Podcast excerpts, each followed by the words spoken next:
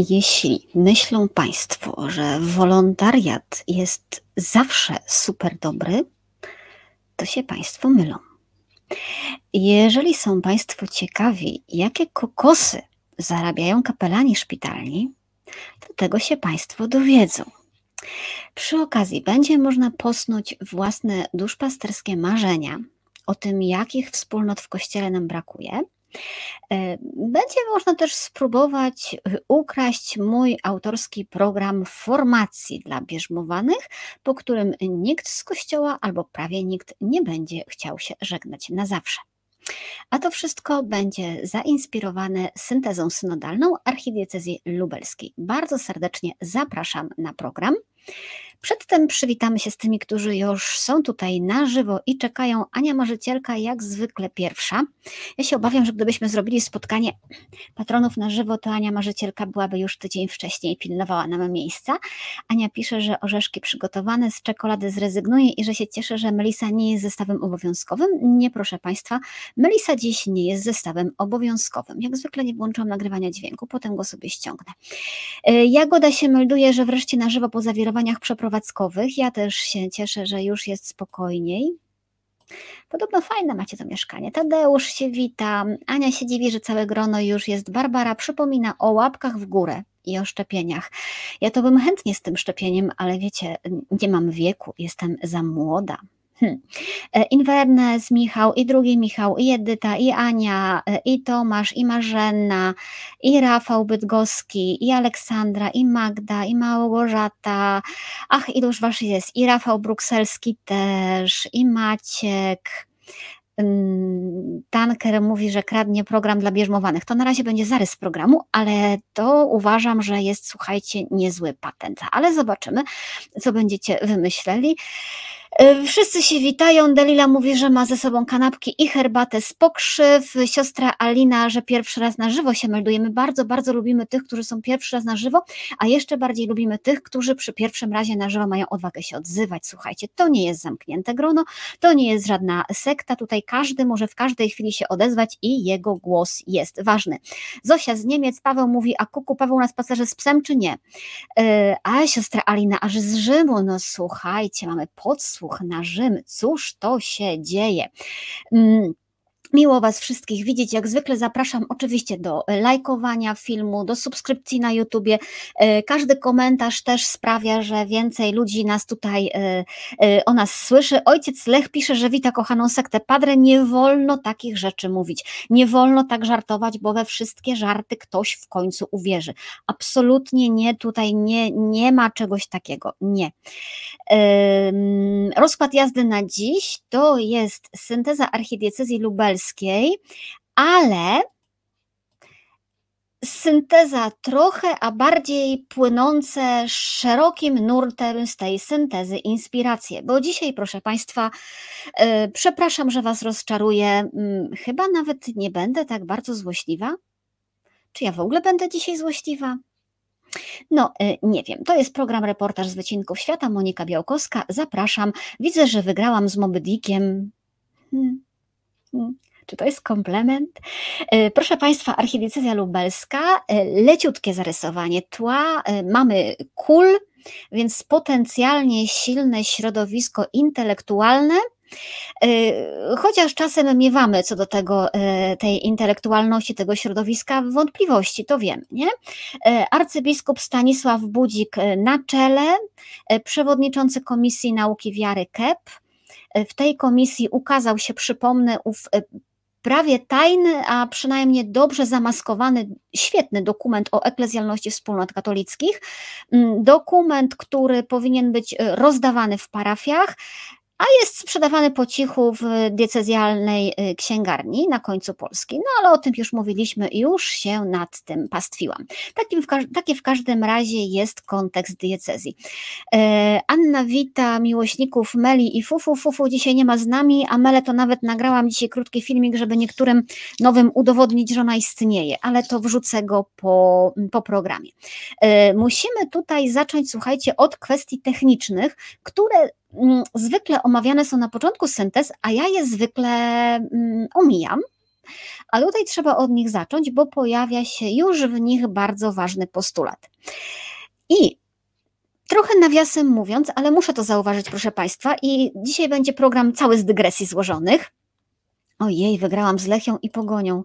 O wow, normalnie jak kiedyś wygram z Wisłą Kraków, to będzie sukces. Zauważam w tych syntezach, że mamy y, w Polsce potężne problemy w ogóle z metodologią, tak? Y, nie ma jednego y, klucza do syntez. Y, nie odróżniamy diagnoz od recept, y, postulatów od opisu sytuacji. Mam wrażenie, że opowiadamy wszystko w każdym punkcie, tam gdzie nam pasuje, i to nie jest kwestia tylko Lublina, to jest kwestia wszystkich syntez. Y, jestem ciekawa, jak to będzie wyglądało, jak to się uda ogarnąć w, w syntezie ogólnopolskiej. Michał pisze, że w tych czasach wygrać z Wisłą Kraków to już nie jest sukces. No, zależy u kogo. Mm, co się w takim razie zaczyna ciekawego pojawia już na początku syntezy lubelskiej. Pojawia się informacja, proszę Państwa, y, o spotkaniu ze środowiskiem osób, które pomagają osobom niepełnosprawnym. I są tutaj wymienione mm, różne grupy, i mam takie wrażenie, kiedy czytam, że to rzeczywiście zostało potraktowane poważnie.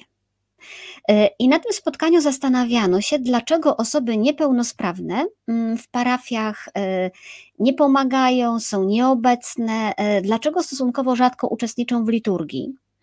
Rozmawiano o tym, jak je można zachęcić. Cytuję: Zwrócono uwagę, że zachowanie osób niepełnosprawnych w kościele nierzadko odbiega od normy.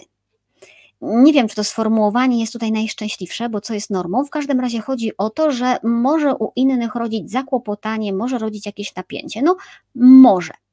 E, uważam, że to jest znów kwestia edukacji, kwestia oswojenia się i że jednak nie tyle o nasz komfort tutaj chodzi, co raczej chodzi o komfort ludzi chorych.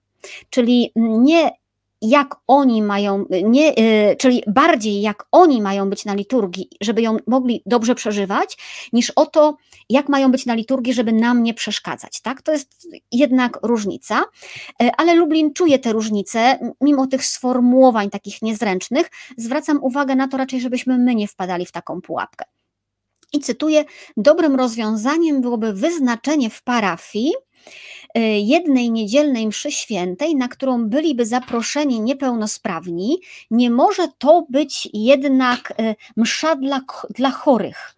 Chodzi raczej o to, żeby wszyscy wierni, którzy przyjdą na tę godzinę, byli poinformowani, że mogą spotkać osoby zachowujące się nietypowo. To znaczy, mogą się odzywać w nieoczekiwany sposób, mogą stać, mogą chodzić w trakcie liturgii. Pojawił się też postulat w cudzysłowie cichej mszy niedzielnej, bez dzwonków, organów, bez głośnego śpiewu, żeby ona była w każdym mieście albo w każdym dekanacie, żeby osoby mm, cierpiące na przykład na nadwrażliwość słuchową, E, z autyzmem mogły bez problemu w takiej mszy świętej e, uczestniczyć. Tutaj Joanna zwraca uwagę właśnie na tę potrzebę mszy dla osób autystycznych.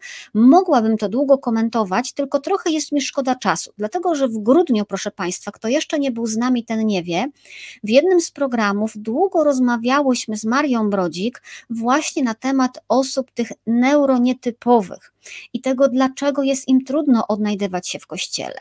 E, również, znaczy, zwłaszcza w tej przestrzeni fizycznej kościoła, tak? To są dziesiątki drobiazgów, których ludzie mm, typowo reagujący po prostu nie zauważają, tak? E, dźwięki, ostrość światła, bliskość innych ludzi w ławce, Y, żeby jeszcze utrudnić ten temat, no to różne osoby różnie będą tą swoją niewygodę, tak, ten brak komfortu doświadczać, więc cokolwiek powie jedna, może być zakwestionowane przez drugą. Dlatego ja po prostu z wielką przyjemnością odsyłam Państwa do tamtej rozmowy. Y, na kanale y, na YouTubie to jest odcinek 181. On ma tytuł Neuroróżnorodni w Kościele, ale link też Państwu właśnie podrzuciłam i przyznaję, że bardzo y, cieszę się, że w kościele rozmawia się na ten temat, y, o którym my już jakiś czas temu mówiliśmy. Rafał pyta, czy mogła być również w niedzielę msza święta bez kazania. Y, moje pytanie brzmi po co? To znaczy, homilia jest integralną częścią liturgii i chyba nie byłoby dobrze z niej rezygnować, y, chociaż uważam, że jest do przemyślenia mm, homilia trzyminutowa, tak? Krótkie pouczenie dla tych, którzy mają problemy z, y, z, z, z wytrzymałością czasową, chociażby w kościele. Anna, widzę rozmowę z, z Marią poleca, ja też polecam. Wracamy do Lublina, tylko jeszcze Mela musi wyjść. Poczekajcie. Już się znudziłaś, Kanienko? Proszę bardzo.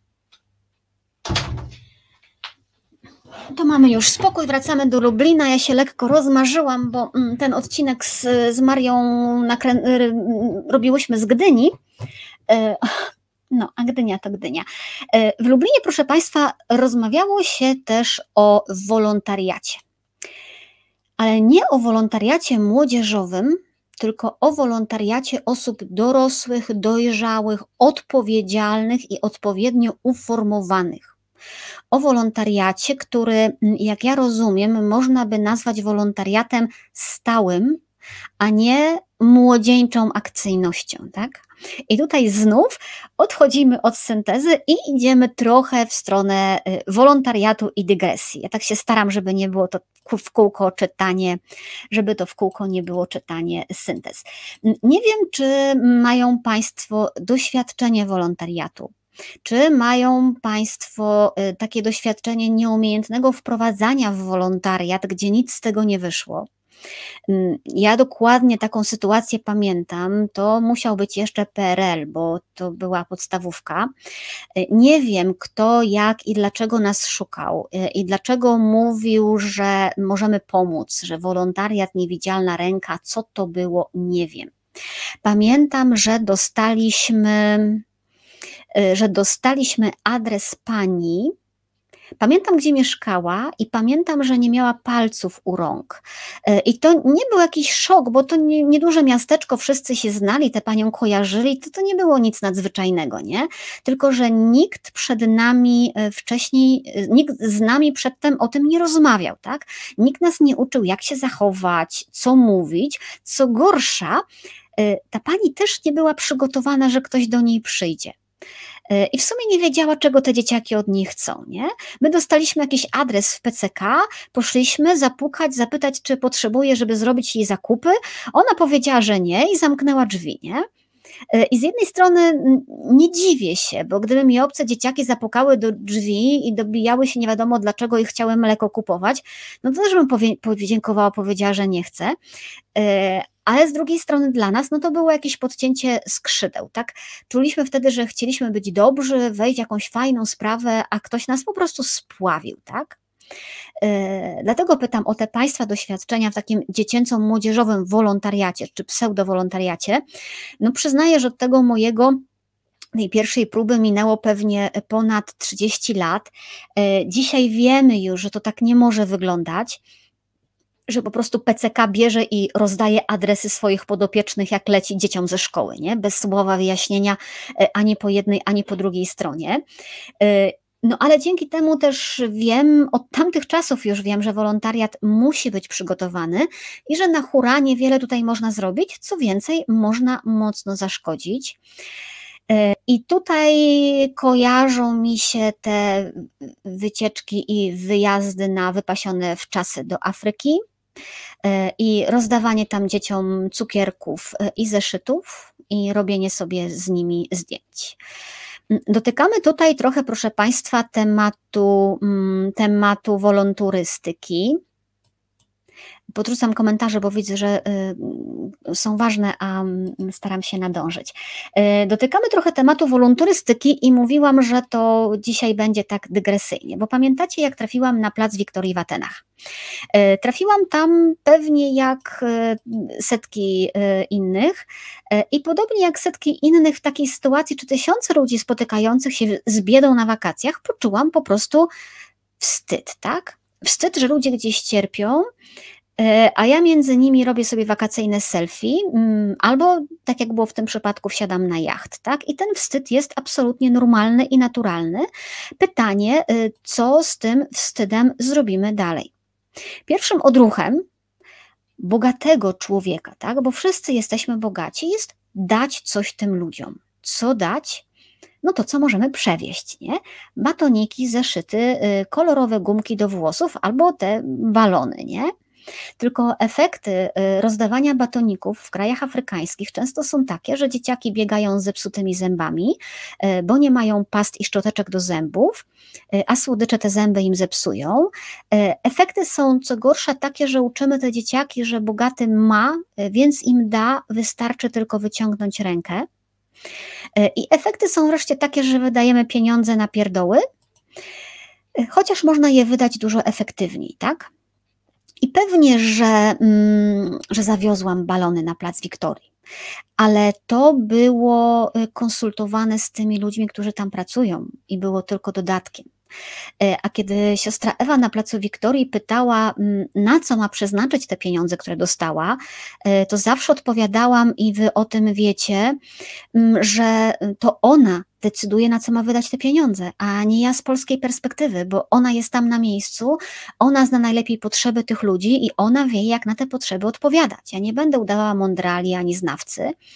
E, I teraz, kiedy po tej zrzutce na paczkę, paczki dotarły zresztą do Aten, e, zostały jeszcze pieniądze, to też Ewę pytałam, czego jeszcze potrzeba, co dokupić, e, a kiedy środki opatrunkowe przestały się mieścić do kartonu, i pakowanie kolejnego kartonu już było nie, nieekonomiczne, no to teraz się mogę Wam przyznać, jak paczki dotarły, po prostu resztę pieniędzy też jej wysłałam, tak. E, dzieci, mm, dzieci na placu Wiktorii to jeszcze nie jest największy dramat, słuchajcie, bo tam rzeczywiście wystarczy, że ktoś będąc w Atenach pójdzie się z nimi pobawić jakąś dmuchaną piłką, którą ze sobą przywiezie. E, ważne jest, żeby nie rzucać im tam worka piłek, nie, ale żeby wziąć ze sobą piłkę i spędzić z tymi dzieciakami czas żeby dać im czas, uwagę, umiejętności, a nie rzeczy, bo dany im czas i dana im uwaga, one w przyszłości zaprocentują. Danie im rzeczy też niestety zaprocentuje, to znaczy będzie wychowywało y, żebraków. Ale są kraje, y, jest turystyka, gdzie jest to dużo większym problemem. Y, I tutaj już powołuje się na głosy specjalistów, którzy mówią, że ta wolonturystyka, czyli te wyjazdowe, wakacyjne wolontariaty, y, często bardziej szkodzą niż pomagają. Y, I nieprawdą jest, że lepsze to niż nic, bo tak naprawdę często raczej zaspokajane są potrzeby wolontariuszy, emocjonalne, niż te fizyczne potrzeby osób tam na miejscu. Specjaliści powołują się tutaj na przykład Kambodży, Y, jeśli ktoś y, chciałby wyjechać tam na wolontariat, no super, świetny sposób spędzenia wakacji, nie? Dlaczego nie? Może przy okazji uczyć dzieci języka angielskiego w sierocińcach. Brzmi nieźle, prawda? My mamy wakacje życia, dzieciaki mają angielski w sierocińcach, wszystko wygląda i brzmi nieźle.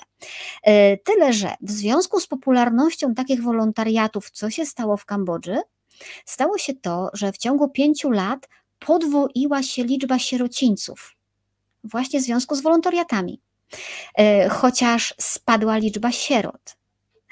Co więcej, niespełna 30% dzieci w tych sierocińcach jest rzeczywiście sierotami. Dlaczego rodzice oddają je do sierocińców? Żeby uczyli je obcokrajowcy, którzy przyjeżdżają na wolontariat na wakacje. Znowuż można powiedzieć, no w sumie może dla tych dzieci to jest lepsze, może to jest jakaś szansa na lepsze życie, może rodzice to rozumieją. Ale znowuż specjaliści mówią, że niekoniecznie, bo w tych sierocińcach nie uczy wykwalifikowana kadra, ale uczą przypadkowi ludzie, uczą po prostu turyści. Y, co więcej, turyści mają bliski kontakt z dziećmi pozbawionymi rodzica. Nie są przygotowani i nie mają czasu na wypracowanie jakichś metod nauczania. Nie mają czasu poznać tych dzieci. Jeżeli nawiążą z tymi dziećmi bliższą więź, to też nie jest najlepsze, bo za chwilę wyjeżdżają. Dla tych dzieci, znaczy Dzieci dla nich będą miłym wspomnieniem, ale w życiu tych dzieciaków zostaje y, jakaś dziura. One są po raz kolejny opuszczone, opuszczone, opuszczone i opuszczone. I znów badania pokazują, że tam, gdzie w tych kambodżańskich y, sierocińcach mamy do czynienia z wolonturystyką na szeroką skalę, czyli gdzie wolontariusze zmieniają się co dwa tygodnie, dzieci mają poważne zaburzenia emocjonalne, a to może prowadzić z czasem wręcz do takiej niemożności nawiązania żadnej bliższej relacji w życiu dorosłym, bo boimy się ponownego opuszczenia. I taki syndrom rzeczywiście jest, działa, zaufajcie na słowo, y, wiem. Co więcej, kiedy mamy taki miks turystów zmieniający się co dwa tygodnie, wiemy, że tam trafiają się też y, pedofile i to jest y, wcale nie jest rzadkość. Zdarza się, że y, wolonturyści mm, odbierają pracę miejscowym w takich prostych rzeczach, które miejscowi też mogą zrobić. Y, pomijam tu już całą kwestię zmian kulturowych, tak? czyli propagowania jakichś wartości, które są sprzeczne z tamtą kulturą, podburzanie dzieci czy młodzieży przeciwko rodzicom, mówienie, że tak nie powinno być, że masz wolność i tak dalej, i tak dalej. To jest wszystko robione w dobrej wierze. Tylko, że turyści wyjeżdżają, a dzieci tam zostają z bałaganem w głowie, ale z otoczeniem, którego same nie mogą zmienić. One przestają pasować do tego otoczenia i będą y, cierpieć. Oczywiście mm, nie każde takie wyjazdy są złe, żebyśmy się dobrze rozumieli, ale one w świecie często się po prostu komercjalizują, tak? Trochę jak te wejścia na K2. Y, wczoraj widziałam zdjęcia, że w kolejce na K2 stało 140 osób nie? na tlenie. E, wolontariusz e, bywa klientem, klient ma oczekiwania, oczekiwania trzeba zaspokoić, żeby klient je zapłacił żeby klient zapłacił. E, ciekawe jest też analizowanie przyczyn popularności w ogóle tej wolonturystyki, gdzie specjaliści mówią, że to wynika często z takiego przekonania, że mamy wyższe kompetencje niż ludzie tam, e, i to się posuwa do tego stopnia, że no ja wprawdzie nie jestem architektem, że ja wprawdzie w swoim mieszkaniu to potrafię co najwyżej ściany wybudować, pomalować, no ale jakbym pojechała do Afryki, no to przecież sobie poradzę i, e, i, i ściany domu wymuruję. Nie? No nie jest to takie proste. E, oczywiście są Oczywiście są, y, są prawdziwe wolontariaty, dobre, zdrowe, przygotowane. Y, nie o tym mamy mm, tutaj mówić, może wrócimy do tego tematu szerzej, bo widzę, że on Was porusza. W każdym razie trzeba pamiętać, że wolontariat nie jest po to, żeby zmienić moje życie. Wolontariat nie jest po to, żeby mi było fajniej, żebym ja się poczuła lepiej. Y, nie jest po to, żeby fajnie spędzić wakacje. W wolontariacie schodzimy my na drugi plan. Nie o nas tam chodzi, a w XXI wieku wolontariat dodatkowo musi być profesjonalny, przygotowany, dojrzały, a nie akcyjny na hura, żeby młodzież miała wakacje. To jest bardzo ważna różnica. E, I fajnie, że w Lublinie zwracają na to uwagę. Tutaj wracamy do Lublina. To jest wolontariat, jest tam też przypomnienie o tym, że parafie powinny być źródłem informacji. Znów niepełnosprawni się tu pojawiają, gdzie mm, niepełnosprawni znajdą towarzystwo i wsparcie, gdzie opiekunowie znajdą pomoc. Rzeczywiście wydaje się, że dzisiaj w naszych parafiach mało który opiekun osoby niepełnosprawnej może powiedzieć, że wprawdzie ma trudno e, i trudno mu znaleźć czas, ale jak pójdzie do kościoła, to tam na pewno znajdzie grupę ludzi gotową mu pomóc. Y, I nie wiem, czy jest tak, że, że, że, rzeczywiście zawsze ktoś ze wspólnoty y, posiedzi z dzieckiem, żeby mama mogła skoczyć do fryzjera. Lublin zwraca uwagę na to, że to jest istotne. I kolejna ważna sprawa, słuchajcie, która nas znów pociągnie do dygresji, to jest. Yy, przygotowanie księży kapelanów, osób chorych i niepełnosprawnych. To jest jedyne miejsce, gdzie się o tym mówi, że kapelani chorych i niepełnosprawnych muszą mieć odpowiednie kompetencje. Jeszcze we Włocławku pojawia się głos o duszpasterstwie osób głuchych, i to są jedyne dwa miejsca, gdzie w syntezach znalazłam takie upomnienie się. W kapelanach, e, o kapelanach szpitalnych w Lublinie czytamy, Stanowisko takie nie może być traktowane jako dodatek do innych ważniejszych zadań lub jako niezbyt zobowiązująca funkcja dla duchownych potrzebujących podreperowania zdrowia albo rozwiązania innych osobistych problemów. Świetna diagnoza, tacy często są kapelanami. Kapelanami w hospicjach czy domach opieki powinni być księża, którzy rozpoznają w sobie szczególne powołanie do tego rodzaju pracy, którzy są gotowi służyć także krewnym chorych, chorych personelowi placówek i wolontariuszom. Jak wygląda ta praktyka? Ano bardzo różnie. Joanna widzę, y, komentuje i zna temat. Czasem jest tak, że kapelanem zostaje ksiądz, który akurat jest w pobliżu. No tych szpitali jednak mamy mnóstwo. Czasem kapelanem zostaje ksiądz, który mm, nie nadaje się do, do katechezy, a jakąś pracę trzeba mu dać. Czasem o zgrozo, proszę Państwa, kapelanem zostaje ksiądz, którego z jakiegoś powodu trzeba odsunąć od pracy duszpasterskiej i gdzieś schować. Ja tutaj przypomnę, że ksiądz Arkadiusz Hajdasz przez lata był kapelanem w szpitalu w Kaliszu. I to było po tym, jak biskup już wiedział o jego czynach. E, w szpitalu go ukryto, bo do dzieci nie może iść, a gdzieś pracować musi. Nie ma co ukrywać w takim razie, że ta praca kapelana szpitalnego, jakby z punktu widzenia kościoła, nie zawsze jest traktowana właściwie, tak? E, to znaczy, nie zawsze szanuje się to, że do tej pracy trzeba mieć odpowiednie kompetencje, y, osobowość i powołanie. E, bo, mm, proszę Państwa, kapelan szpitalny to jest praca. Robson, upraszczasz z tym. Naprawdę, nie bawmy się w takie usłyszane, przeczytane, to w ogóle nie o to chodzi, o, o zmysł, tylko o to, że to drogą jakąś przychodzi. E, w konkordacie, proszę Państwa, zapisano, że Osobom przebywającym w zakładach leczniczych oraz zamkniętych zakładach pomocy społecznej zapewnia się prawo wykonywania praktyk religijnych i korzystania z posług religijnych.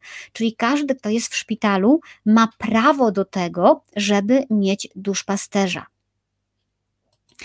E, tak, Michał zauważa, że jak ksiądz powie biskupowi, że nie ma kompetencji, to usłyszy, że Duch Święty go napełni mocą. No właśnie, to jest ten problem, to jest właśnie to niedocenianie kompetencji. Ale jeżeli państwo ma zapewnić y, prawo dostępu do tych posług duszpasterskich, no to musi zadbać o to, żeby na miejscu był ksiądz.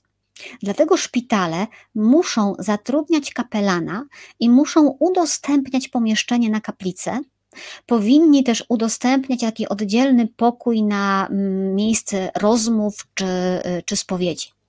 Oczywiście ten dostęp do posług, musimy być świadomi, on oznacza tylko dostęp, tak? To nie oznacza, broń Boże, obowiązku korzystania z tego. Ksiądz ma być gotowy, jeżeli ktoś będzie go potrzebował. Szpital nie jest jego parafią, żeby on musiał koniecznie nawrócić wszystkich i żeby miał wszystkim prawić kazania. On ma być gotowy dla tego szpitala. Teraz, co jest obowiązkiem y, kapelana?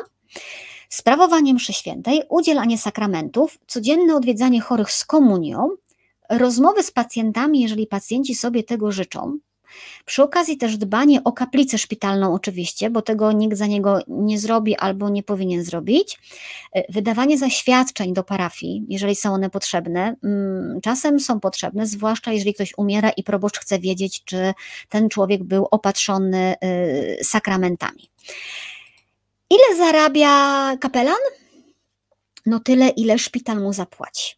I to się bardzo różnie kształtuje. Ja sama byłam zdziwiona, kiedy y, kopałam trochę w tym temacie, bo tak naprawdę, proszę Państwa, wynagrodzenie kapelana szpitalnego y, zależy od y, hojności szpitala, od możliwości finansowych szpitala, od tego, jaką umowę podpisze dyrektor, po prostu.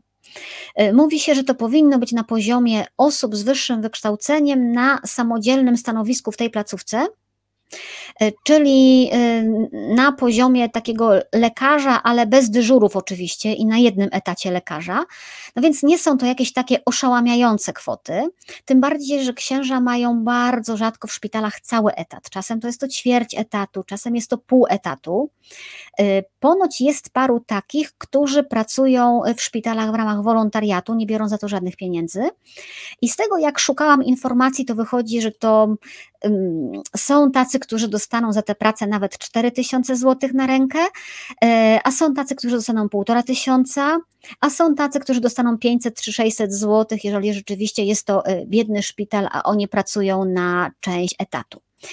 Znalazłam w jednym z czasopism medycznych rozmowę z byłym krajowym duszpasterzem służby zdrowia, e, z księdzem Stanisławem Warzeszakiem. E, rozmowa jest sprzed 10 lat. Ksiądz Warzeszak 4 lata temu umarł. On wykładał teologię moralną, bo, bo miałam też z nim zajęcia na UKSW. To był taki e, bardzo dobry człowiek. E, I to, to, na co ksiądz Warzeszak zwracał uwagę, to to, że kapelan e, należy do zespołu terapeutycznego i tak to się określa. Bo ta opieka duszpasterska jest wprost integralną częścią opieki terapeutycznej. Dla wielu osób nieodzowną i trzeba to uszanować, nawet jeżeli ktoś jest niewierzący i tego rodzaju opieki nie potrzebuje. Ma duchowo wspierać tych, którzy są wierzący, ma też wspierać niewierzących, jeżeli sobie tego zażyczą. Ma wspierać rodzinę, która też tę chorobę często mocno przeżywa, ale ksiądz Warzeszak mówił, że szpital nie jest miejscem nawracania, że prozelityzm nie jest zadaniem kapłana, kapelana. Y, nie może być tak, że teraz przyjdą kapelani różnych wyznań i że będą y, przy łóżku chorego urządzać sobie zawody albo stać z kolejką ofert religijnych, tak? To e, zupełnie nie o to chodzi. E, ciekawe są też badania, które się ukazały w 2017 roku i te, tych badań nie prowadził Kościół ani żaden CEBOS, ale Uniwersytet Medyczny w Białymstoku. Te badania dotyczyły postrzegania roli kapelana szpitalnego właśnie w tym zespole terapeutycznym, czyli w uproszczeniu, czy ten kapelan jest potrzebny, czy nie jest potrzebny. Wyniki całe można znaleźć w internecie. W skrócie mm, sprawdzano, jak ci kapelani są postrzegani yy, i czy to ich wsparcie prozdrowotne jest potrzebne. Przebadano 790 osób i ponad 80% badanych było przekonanych, że chory powinien mieć w szpitalu opiekę kapłana i że kapelani powinni być obecni w szpitalach i hospicjach. Ponad 80% to się tam różnie wahało. Y, niestety tylko 44% y, badanych było przekonanych, że kapelani powinni być przeszkoleni medycznie. Y, ja jestem w tej grupie, która uważa, że powinni. Mm, oczywiście lekarza ani pielęgniarki żadną miarą nie zastąpią, ale mam takie poczucie, że jednak powinni rozumieć, co się dzieje i rozumieć świat, w który wchodzą, e, a nie gapić się jak wół na malowane wrota.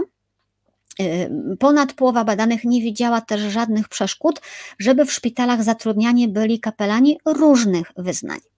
Ania pisze, że w szpitalach spędziła mnóstwo czasu, ale nie spotkała się z codziennymi wizytami księdza. To może po prostu być zależne od tego, jak mocno szpital y, zatrudnia kapelana, czy go zatrudnia na y, pół etatu, czy go zatrudnia na ćwierć etatu, tak? Bo to, to prawdopodobnie od tego jest zależne, czy ksiądz jest tylko kapelanem, czy na przykład uczy również w szkole, bo, bo zwłaszcza w mniejszych miastach no, trudno jest wziąć księdza, znaleźć księdza, który będzie wyłącznie kapelanem. E, czytamy mm, czasem różne opinie o szpitalnych kapelanach. Mm, są też takie, że wchodzą bez pukania, e, że nie pytają o zgodę, e, że się zdarzają im nietaktowne komentarze. Mm, mama moja, która jak pamiętacie, pracowała kiedyś w szpitalu, e, opowiadała o kapelanie, który z upodobaniem na przykład wchodził na oddział ginekologiczny, nawet w trakcie e, badań potrafił wejść do gabinetu, no ale on długo tam nie popracował i szybciutko się to go pozbyto. Poza tym no to było w latach, mm, w latach 90. E, w czasie pandemii mm, ludziom bardzo trudno się było pogodzić na przykład z tym, że na oddział może wchodzić ksiądz, a nie może odwiedzić ich najbliższa rodzina. Tak? To było takie trudne w relacji z, z kapelanem, ale zasadniczo ta posługa kapelanów nie jest odbierana źle. E, ludzie wiedzą, że kapelani są potrzebni, co więcej, e, jak się o tym czyta, można odnieść wrażenie, że nawet niewierzący jeżeli sami go nie potrzebują, to w takim szpitalnym doświadczeniu jednak szanują potrzeby wierzących. Tak mówią, mnie to nie obchodzi, ale skoro ona tego potrzebuje, to mi to nie przeszkadza. E, tym bardziej ważne jest to, co w tej lubelskiej syntezie zauważono, tak, że to nie może być dodatek, e, że to nie może być zesłanie, że to musi być rzeczywiście powołanie podparte odpowiednimi kompetencjami. żebyśmy tej przestrzeni w szpitalach po prostu nie stracili, tak? To znaczy, żebyśmy nie stracili tam zaufania, które, y, które Kościół ma. Przy okazji też tego tematu w Lublinie podkreśla się konieczność dobrej współpracy księży z psychologami, żeby odróżniać, gdzie jest potrzebna tylko modlitwa, a gdzie oprócz tego potrzebna jest też y, terapia. Mm.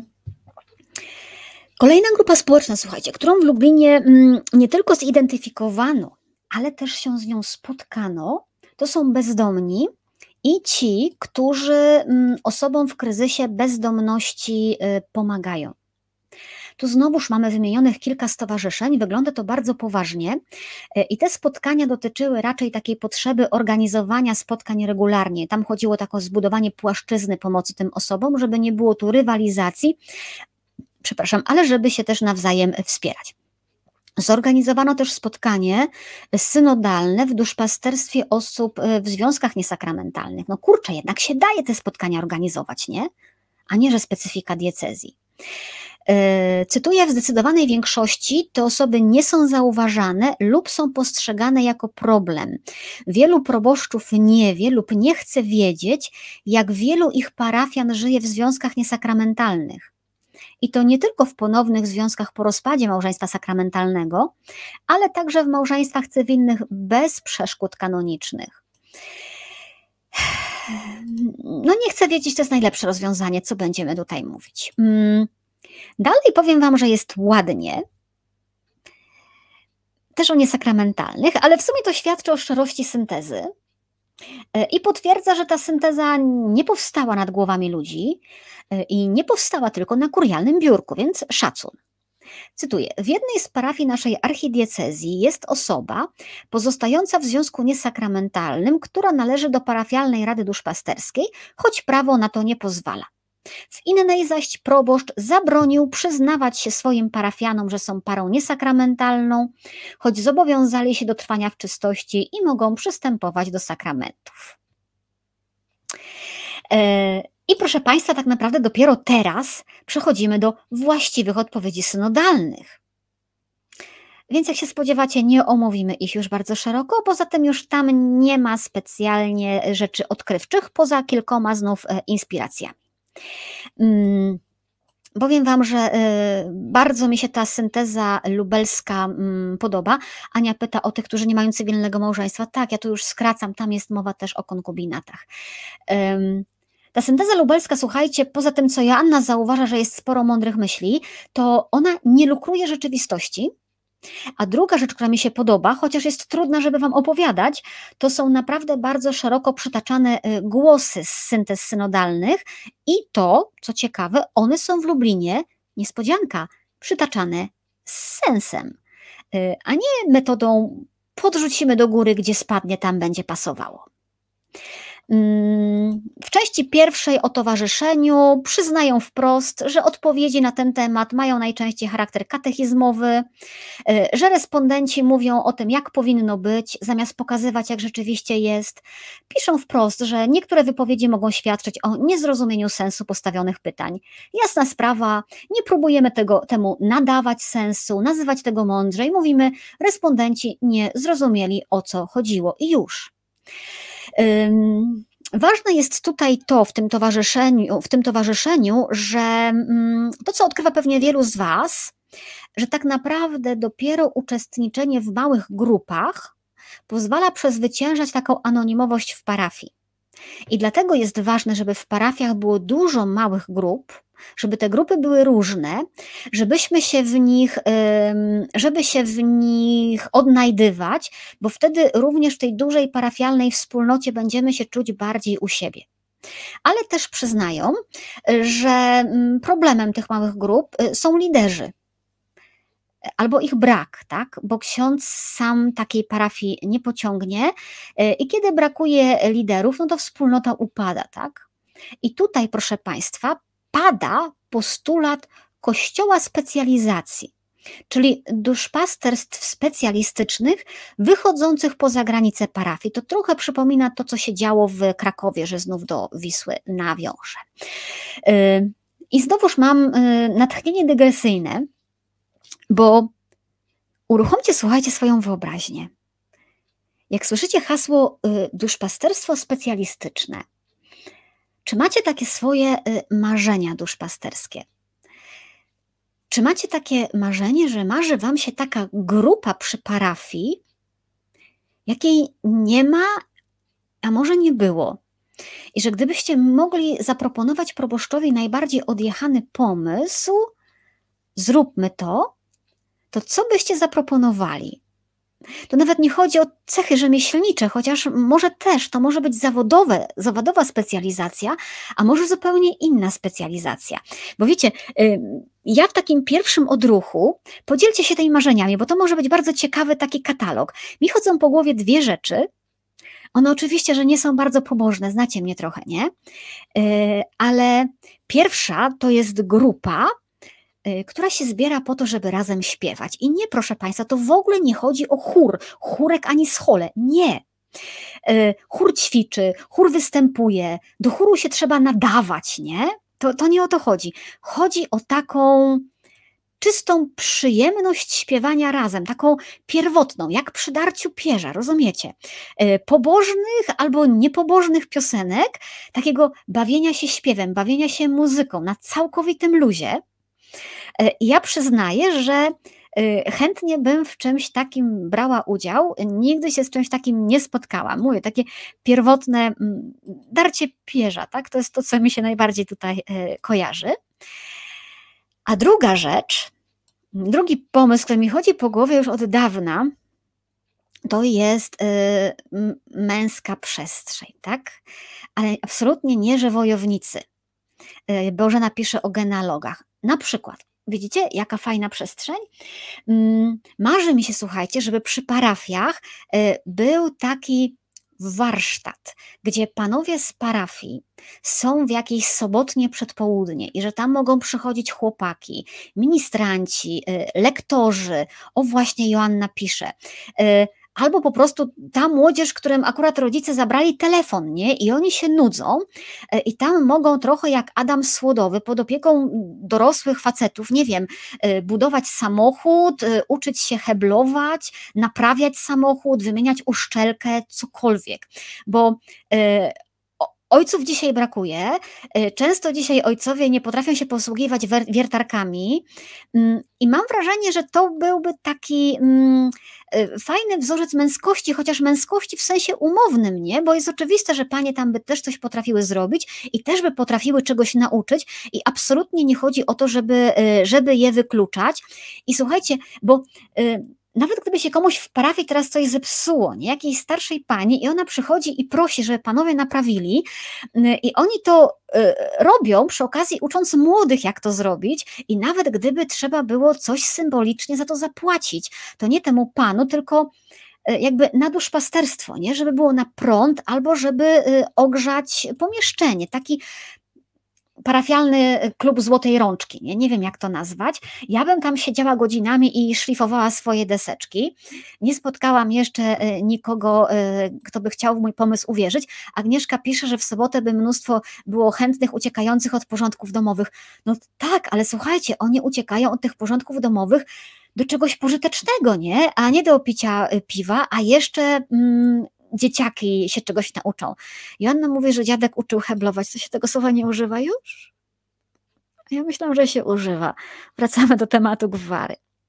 E, no ale zobaczcie, jeżeli ja myślę, nie dzieliłam. Myślę, że faceci też by mogli uczyć gotować, a mężczyźni też by byli w warsztacie. Nie, nie dzielmy tego tak płciami, ale zobaczcie, jeżeli tacy faceci, czy nawet kobiety będą y, budować karmnik, nie, razem y, i się walną y, młotkiem w palec i rzucą tam brzydkim słowem, ale proboszcz będzie ten karmnik tam też budował, nie, no to nie, nie wmówicie mi, że tacy ludzie po takiej relacji będą się potem bali przy proboszczu odezwać i się potem będą bali powiedzieć mu, co myślą. No, nie ma takiej opcji, nie? że taka e, relacja przy młotku to jest jednak e, zbudowana raz na zawsze.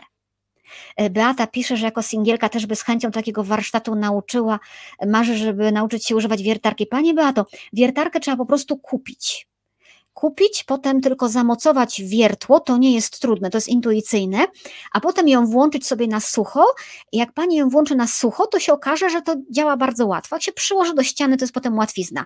Nie ma niczego prostszego, no chyba, że tak jak u mnie macie część ścian z betonu, wtedy w co drugiej ścianie czeka państwa y, niespodzianka. Słuchajcie, a jak to się inaczej mówi, jak nie heblować? Bo słyszę, że w Wielkopolsce. E, jeżeli macie, słuchajcie, swoje pomysły na takie nieistniejące przestrzenie parafialne, to ja tutaj przyjmuję, budujemy katalog, katalog pomysłów. Yy, yy, bo takich ściśle zawodowych to ja jednak nie, nie. Ja nie widzę absolutnie potrzeby y, duszpasterzowania się w gronie lokalnych dziennikarzy z całą sympatią dla moich kolegów. Myślę, że oni też nie czują takiej potrzeby. Y, spotkania u premasa wypadały dość drętwo i mam wrażenie, że to jednak nie tędy droga, a może po prostu jestem indywidualistką, której brakuje y, śpiewania i fizycznej pracy, tak? Dajcie, dajcie zdać. Z innych głosów Anna pisze, proboszcz też się walnie, powie brzydkie słowo i facecie wyluzują. No ale o takie relacje chodzi, rozumiecie? Taka powinna być parafia, nie tylko kościółkowa, tylko, tylko żyjąca na wszystkich możliwych y, przestrzeniach. Z innych głosów y, sydalnych z Lublina i też pomysłów, Boże, jak mamy dzisiaj zdążyć? Ktoś pisze, słuchajcie, że jego parafia przeżywa renesans biblijny, a na każdej ławce w kościele leży egzemplarz Biblii. Ja podrzucam ten pomysł czcigodnym księżom proboszczom, słuchajcie. E, znaczy, ja wiem, że ludzie te Biblię pokradną, ale jacy to są fantastyczni parafianie, których Pismo Święte tak zainteresuje, że postanawiają je zabrać do domu. No po prostu kupowałabym na zapas i dalej wykładała na te ławki, żeby broń Boże nie zabrakło. I ja rozumiem, że to może księdzów wejść na ambicje. Jak w czasie kazania ludzie zaczną sobie to Pismo Święte wydzierać, bo lepiej poczytać niż słuchać, co on mówi, nie? Ale to się tylko przyczyni do nawrócenia i kaznodziei, i słuchaczy, więc doskonała myśl bierzcie i naśladujcie. Wyczytałam, podrzucam y, dalej. Widzę tutaj pomysły i dziergania, i kucharzenia, i wspierania młodych mam. Cudnie. Y, mamy w lubelskiej syntezie zauważony kryzys żywego różańca. Że y, starsi członkowie chorują, umierają, a jednocześnie brak nowych chętnych. I ja bym tutaj nie rozpaczała nad tym tak mocno. To znaczy, żywy różaniec jest jak najbardziej ok, ale myślę, możecie się ze mną nie zgadzać, y, że każde pokolenie może mieć swoje formy pobożności, tak? Dopóki tych swoich form pobożności szuka. Więc to nie samo wymieranie wprost żywego różańca jest problemem, ale problemem jest to, że nie ma młodych, którzy wejdą ze swoimi bliskimi im formami pobożności. Ale to również w Lublinie zauważają, cytuję, brak zainteresowania y, młodych y, wiarą to wina rodziców, ale i duszpasterzy, którzy nie potrafią wzbudzić zainteresowania u młodzieży, zmuszanie kandydatów przygotowujących się do bierzmowania, do uczestnictwa w nabożeństwach przez cały rok i dokumentowania tego w książeczkach przynosi odwrotny skutek, obrzydzenie do kościoła. Również muzyka kościelna w wykonaniu geniuszy wokalno-instrumentalnych tylko odstrasza od kościoła. Agnieszka pisze, pisze robienie konfitur na zimę. Ja bym poszła na kurs kiszenia. Jak już dzisiaj wiem, że ukisić można wszystko, a kiszonki lubię, to kiszone buraki, kiszona papryka, po prostu marzy mi się, nie umiem. Czy to wstyd się przyznać, że nie kiszę? Co mnie to obchodzi? Nie takie wstydy sobie robiłam. E, geniusze wokalno-muzycznie odstraszające od kościoła, o tym już mówiliśmy, nie będziemy tego powtarzać. Nie wiadomo co gorsze, geniusze czy automaty. Nawiasem mówiąc, y, kilka dni po naszym programie o automatycznych organistach dostałam wiadomość, że diecezja zielonogórsko-gorzowska wydała zakaz używania tego przedziwnego sprzętu. Y, absolutnie nie, że sobie tutaj zasług jakieś przypisuję, tak daleko moje macki nie sięgają, ale się cieszymy, bo jednak widać, że sztuczny organista ze smartfonem uruchomiony z ołtarza to nie jest dobry sposób na przeżywanie liturgii. Y, mamy tam w Lublinie Mówimy teraz o struganiu. Wśród propozycji na ożywienie tych wymierających wspólnot w Lublinie proponuje się akcje informacyjne, filmiki w internecie, informacje w gablotach czy na Facebooku. I prawdę mówiąc, proszę Państwa, ja w to nie wierzę. I mówię to uroczyście, jednym okiem czytając Wasze komentarze, które są przeciekawe. Nie wierzę, że jeżeli ktoś przeczyta post na Facebooku, to przyjdzie do wspólnoty, na dodatek takiej, która istnieje od dawna i się dobrze zna. Znaczy, może się tacy znajdą. E, introwertycy nie ma takiej opcji. Jedynym kluczem do rozwoju i rozwijania się istniejących wspólnot są relacje, czyli osobiste zaprzyjaźnianie się i osobiste zapraszanie. Najlepiej w jakimś działaniu, do którego najpierw zapraszamy, takim y, wspólnym. Andrzej tu pisze, o, Waldemar, ksiądz Waldemar o relacjach. Mm. I problem, który we wszystkich wspólnotach powraca, Tutaj po raz pierwszy wybrzmiewa wyraźnie, że powszechnym zjawiskiem mm, jest uczestnictwo tych samych osób w kilku wspólnotach, przez co wspólnoty stają się do siebie podobne, y, wydają się być zamknięte dla innych.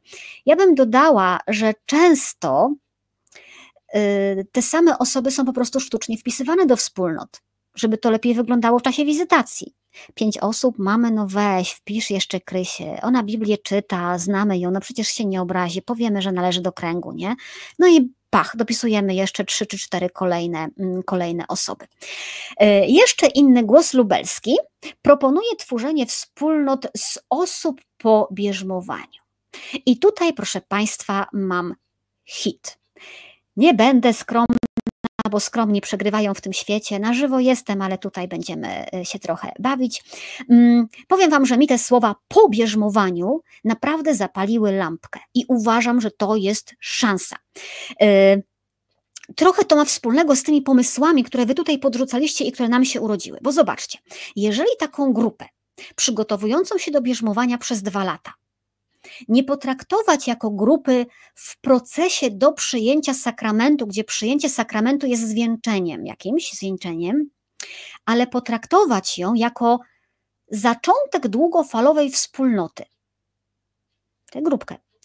Jeżeli tak ich prowadzić, jeżeli prowadzić ich w jakieś projekty, które będą wspólnie organizować, i jeżeli to nie bierzmowanie będzie celem i zwieńczeniem, ale przeżycie tej drogi, nie dzienniczków, e, to jeżeli tam będą konkretne zadania, jeżeli tam będą relacje, to ja mam poczucie, że kurczę, coś z tego może być dalej, że jakieś 20% zostanie na dłużej w tej wspólnocie, bo nie będzie chciało z niej wyjść.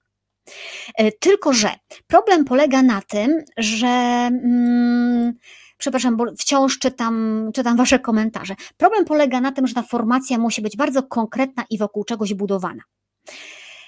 Żeby bierzmowanie y, nie było tym jedynym szczytem i celem.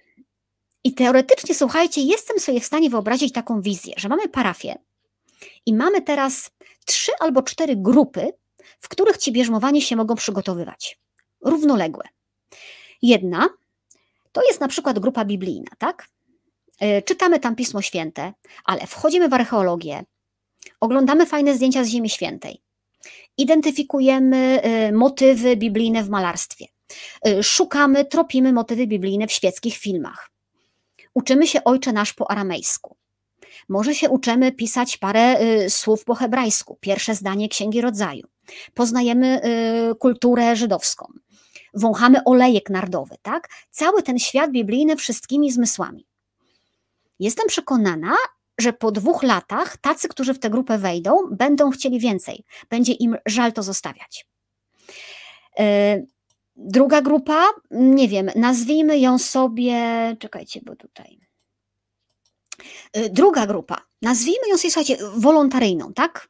Jeżeli są w mieście grupy bezdomnych, no to możemy skupić się na nich i współpracować z nimi, tak? Spotkania z nimi, rozmowy, może jechać gdzieś zorganizować jakąś wspólną wycieczkę, zbiórkę dla nich, ale też praca z nimi, kanapki zimą zanoszone na dworzec, tak żeby to było rzeczywiście wejście w tę pracę dla drugiego człowieka, angażujące, a nie jedna akcja. Dwa lata pracy razem z tymi ludźmi. Jak nie ma bezdomnych, może hospicjum.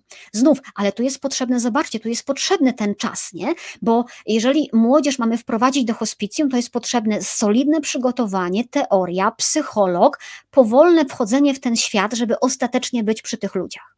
Ale ja sobie też wyobrażam, nie wiem, trzecia grupa, teatralna, artystyczna, jak ją nazwiemy, pracują na średniowiecznej muzyce, na mm, sztukach teatralnych Teres od Dzieciątka Jezus, na przed sklepem jubilera, jasełka, cały przekrój, byle to się działo przez cały czas, tak? Byle y, ta grupa ogarniała całość, łącznie ze scenografią.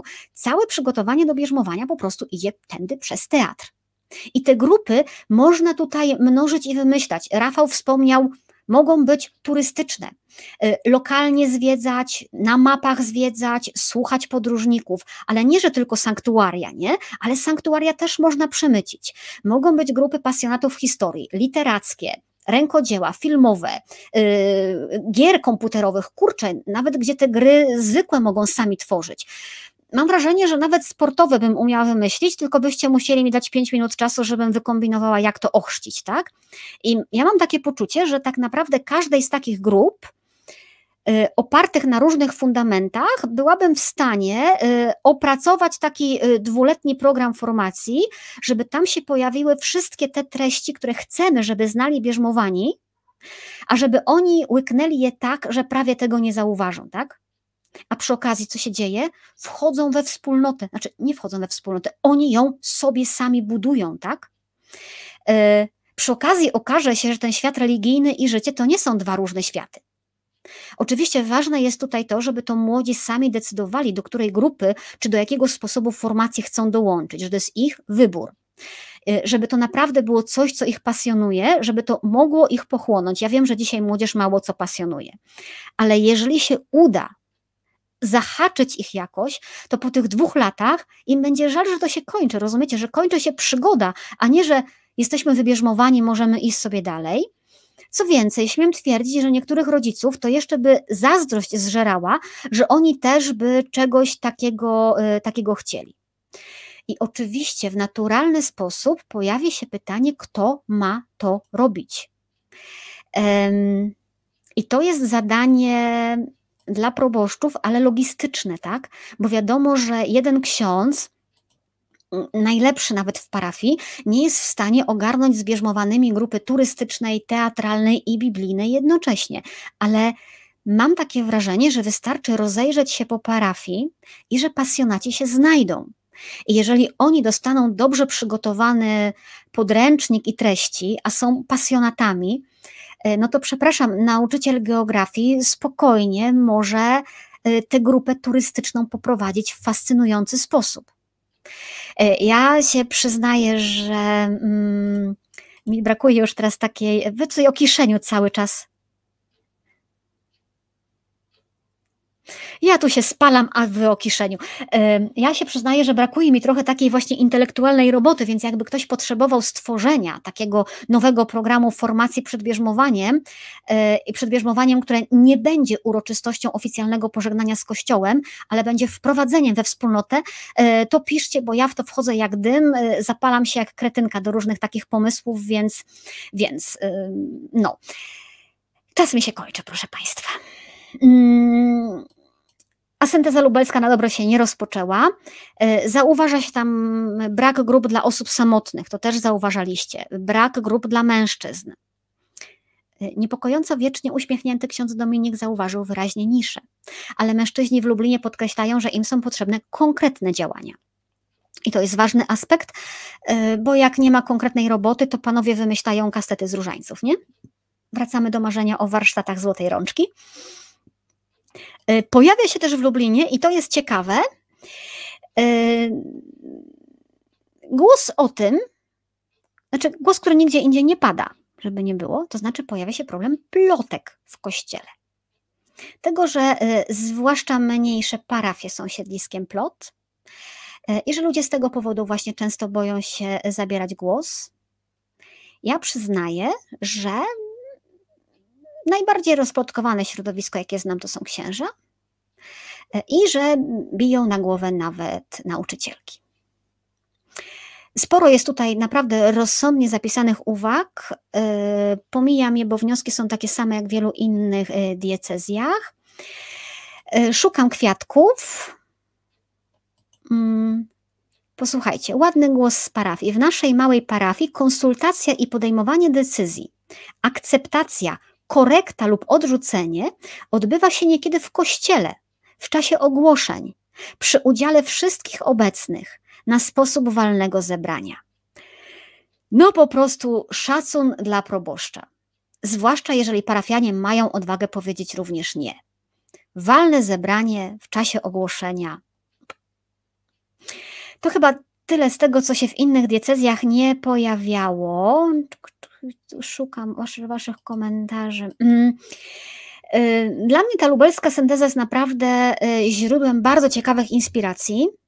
Nie włączył mi się żaden złośliwiec. Mm, autorzy syntezy są podpisani tutaj z imienia i nazwiska, to jest świecka pani doktor i ksiądz. Nie wiem, jak się czują po tej syntezie y, diecezjanie lubelscy, to znaczy na ile oni się w niej odnajdują. Dla mnie z zewnątrz ona brzmi ok i brzmi szczerze. Nie pachnie fałszem na kilometr, jak ta wprost po przeciwnej stronie Polski, wiecie gdzie, nie? Po przekątnej. Y, nie ma tu pewnie y, jakichś bardzo oryginalnych pomysłów, y, ale Mm, polecam parę e, dobrych książek z archeologii biblijnej, e, ale, ale fajnie diagnozuje parę problemów, ale też świetnie, e, świetnie inspiruje. I z tym myśleniem Was zostawiam. Myśl o tym, że archeologia jest niebezpieczna i historia jest niebezpieczna, to jest dokładnie powtarzanie myśli Soboru Trydenckiego. Wtedy uważano, że czytanie Biblii jest dla świeckich niebezpieczne i może ich odciągnąć od wiary. Więc proszę Państwa, nie idźmy, nie idźmy w tę stronę. Zostawiam Was z tym myśleniem, e, zapraszając jednocześnie e, w sobotę, w samo południe na profil przewodnika katolickiego. Tam z Szymonem Bojdo będziemy rozmawiać o najnowszym numerze tygodnika. Jeszcze nie zaglądałam, ale ufam, że jest tam co czytać. E, zapraszam też do wspierania mm, istnienia tego programu w serwisie Patronite. To nie jest kregowanie, proszę Państwa, to są fakty. Gdyby nie wy, gdyby nie patroni, ten program po prostu by już nie istniał, bo ja nie miałabym czasu na to, żeby się tym zajmować, a dzięki patronom nadal w poniedziałki i czwartki się widzimy i to jest moja praca, a nie jakieś moje bziki. Gdyby ktoś chciał do zacnego grona fundatorów dołączyć, to zapraszam, link podrzucam. Jeżeli ktoś jeszcze nie wie, tak dla uspokojenia, e, to Patronite, proszę Państwa, tak fajnie działa, że nie trzeba wydawać wielkich pieniędzy jednorazowo. Tam się zleca jednym kliknięciem, żeby co miesiąc drobna kwota z konta spływała na program. Patronie mają bonusy, ja mogę dla Was pracować. E, link podrzuciłam. E, żegnam się z nadzieją, proszę Państwa, na spokojny i na twórczy e, weekend. Myślę, że nie namieszałam. Myślę, że takie się mogły błyski pojawić. Moja twórczość będzie polegała na planowaniu remontu kotłowni. To taki życiowy romantyzm. Jak sobie zębów ani oka przy okazji nie wybije, to się widzimy w poniedziałek o godzinie 21.15. To był program Reportaż z Wycinków Świata. Monika Białkowska. Dobrej nocy.